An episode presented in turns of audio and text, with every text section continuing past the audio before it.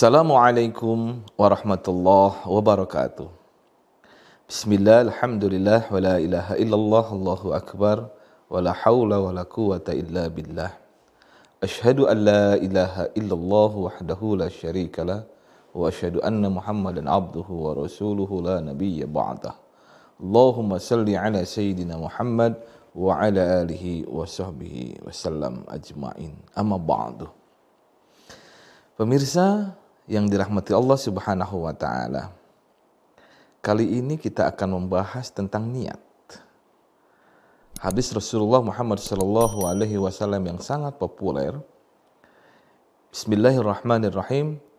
Innamal a'malu binniyat wa innamal likulli imri'in ma Hadis riwayat Bukhari dan Muslim. Sesungguhnya semua amal tergantung pada niatnya dan sesungguhnya setiap orang mendapatkan apa yang diniatkannya. Jadi, kalau kita semua berorientasi kepada kebersihan niat, insya Allah apa yang kita kerjakan Allah Subhanahu wa Ta'ala catat sebagai amal soleh, karena niat ini sangat penting, sangat urgent Sebab niat ini adalah penentu baik dan buruk amal kita. Dan kemudian meningkatkan motivasi kita serta membuat perbuatan kita menjadi ibadah insya Allah. Dan karenanya akan terinternalisasi di dalam diri kita dan tentu saja itu akan menetapkan tujuan kita. Kita ambil sebuah permisalan dalam sebuah pekerjaan tentu masing-masing memiliki profesi. Contoh, seorang tukang sapu-sapu di jalanan, ya, petugas kebersihan, atau seorang eh, penjaga pintu rel kereta api. Kalau dilihat dari hasil, mungkin pekerjaan mereka hasilnya tidak menampakkan keuntungan yang besar sebagaimana pengusaha-pengusaha. Tetapi mereka karena tulus dalam melaksanakan pekerjaan, mereka memaknai pekerjaan itu dengan niat yang bersih, dengan tujuan yang bersih, maka insya Allah mereka akan mendapatkan hasil yang lebih banyak lagi. Ya. Dalam sebuah hadis yang uh, diriwayatkan oleh Ibnu Majah dari Nabi Muhammad sallallahu alaihi wasallam beliau bersabda Inna Allah wada'a an ummati al khata wan nisyan wa mastukrihu alaih. Sesungguhnya Allah akan mengabaikan dari umatku apa saja tiga hal yakni kekeliruan, keterlupaan dan keterpaksaan. Jadi itu akan diabaikan oleh Allah kalau dalam melaksanakan sesuatu kita keliru. Kekeliruan itu karena ketidakpahaman. Tidak paham, tidak tahu ilmunya. Nah, kalau tidak tahu ilmunya, itu akan diabaikan oleh Allah Subhanahu wa taala. Bodoh namanya. Lalu apa? Keterlupaan. Keterlupaan itu muncul karena tidak sadar Ketidaksadaran itu kemudian diabaikan oleh Allah Subhanahu wa taala. Kenapa? Karena akalnya tidak mampu mencakup itu. Kemudian keterpaksaan. Keterpaksaan muncul karena sesuatu yang tidak rela. Ya. Maka terhadap hal itu kita harus pahami sebagaimana ayat Al-Qur'an, rajim wala takfu ma laisa laka bihi ilm. Dan janganlah kamu ikuti apa yang tidak kamu punyai pengetahuannya. Inna sam'a wal basara wal fuada kullu ulaika kana anhu mas'ula. Sesungguhnya pendengaran penglihatan dan hati nurani semuanya itu akan dimintai pertanggungjawaban oleh Allah Subhanahu wa taala. Jadi dalam mengerjakan sesuatu itu harus tahu harus sadar, harus paham ilmunya.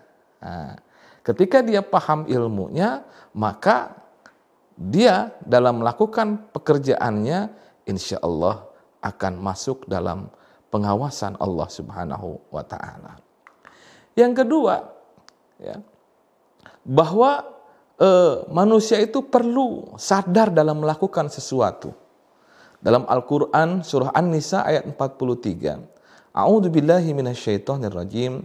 Ya ayyuhalladzina amanu la taqrabus salata wa antum sukara hatta ta'lamu ma taqulun.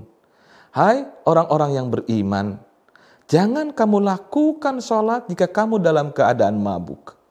Sampai kamu mengerti apa yang kamu ucapkan. Jadi kesadaran itu penting kita pupuk. Kesadaran itu penting kita hadirkan dalam perbuatan kita, terutama dalam keadaan sholat. Kalau kita mabuk, ya sholatnya tidak sah. Nah, kemudian kerelaan ya. Itu sebagaimana ditunjukkan oleh Al-Qur'an surah Al-Baqarah ayat 173. A'udzu billahi minasyaitonir rajim. Innama harrama 'alaikumul maitata wad-dama wa lahmal khinzir wa ma uhilla bihi li ghairillah.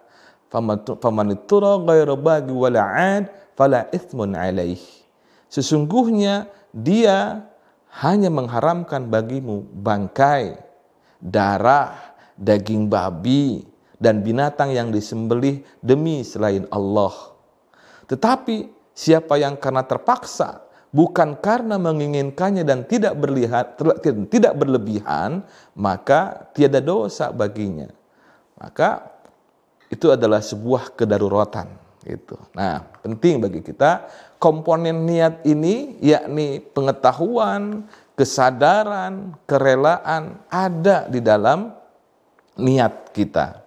Ya, kalau dalam berniat kita nggak tahu apa yang akan kita kerjakan, ketika kita berniat kita tidak sadar, ketika kita berniat kita tidak rela, maka apa yang terjadi niat itu tidak akan bisa terwujudkan. Itu. Contoh, ketika kita melapalkan niat dalam sholat, ya, melafalkan niat dalam sholat, hukum secara hukum sholat itu bukan bagian dari sholat, lafal niatnya. Ini termasuk sebagai uh, sunnah dia. Sebab sebagaimana yang diketahui bahwa definisi sholat adalah uh, pekerjaan dan perbuatan yang diawali dengan takbir dan diakhiri dengan salam. Maka niat itu uh, bukan secara lafal, tapi niatnya itu di dalam kolbu. Di mana dia adanya? Ketika dalam proses takbiratul ihram. Allahu Akbar. Nah dalam mengucapkan Allahu Akbar itu niatnya di dalam kolbu itu ada. Sejaku sholat fardu juhur empat rakaat menghadap kiblat makmum karena Allah Ta'ala. Itu sudah harus ada di dalam kolbunya, di dalam hati nuraninya. Bukan di luarnya. Ya, sebab kalau di luarnya itu tidak terhitung sebagai sholat. Ya, maka ketika takbiratul ikhram, nah, niat itu sudah ada di dalam kolbu. Sembari mengucapkan Allahu Akbar, sembari kolbu mengucapkan niat itu. Maka terkadang kalau dalam kalangan nahdiin, orang-orang yang mengucapkan takbiratul ihram itu agak panjang. Kenapa? Karena dia sedang menyelaraskan antara kolbunya dengan ucapannya takbiratul ihram. Gitu.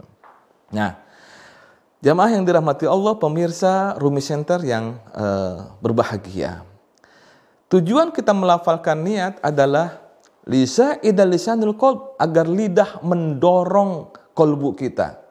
Kita menjadi terkondisikan supaya kita paham dengan apa yang kita kerjakan. Lalu kemudian juga agar menjauhkan kita dari was-was. Lalu kemudian keluar dari khilaf orang yang mewajibkannya. Nah, ini ya tujuan-tujuannya.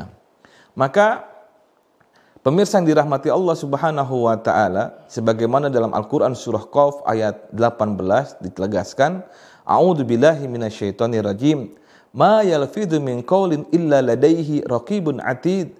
Tiada suatu ucapan pun yang diucapkannya melainkan ada di dekatnya malaikat pengawas yang selalu hadir. Nah, itu. Jadi uh, ucapan yang kita ucapkan itu selalu dicatat oleh malaikat rokib dan atid gitu ya. Kemudian eh, dalam Al-Qur'an disebutkan a'udzubillahi minasyaitonirrajim man kana yuridul izzata falillahil izzatu jami'a.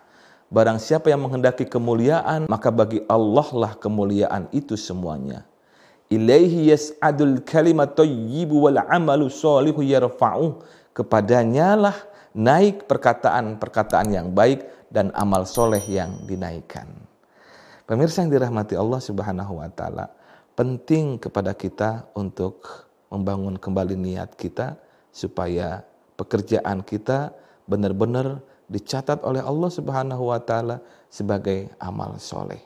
Kalau salah niat, maka kemudian salah pula pekerjaan kita. Banyak hal ketika kita melakukan amaliyah-amaliyah soleh, niat kita harus kita bersihkan. Semoga bermanfaat. Assalamualaikum warahmatullahi wabarakatuh.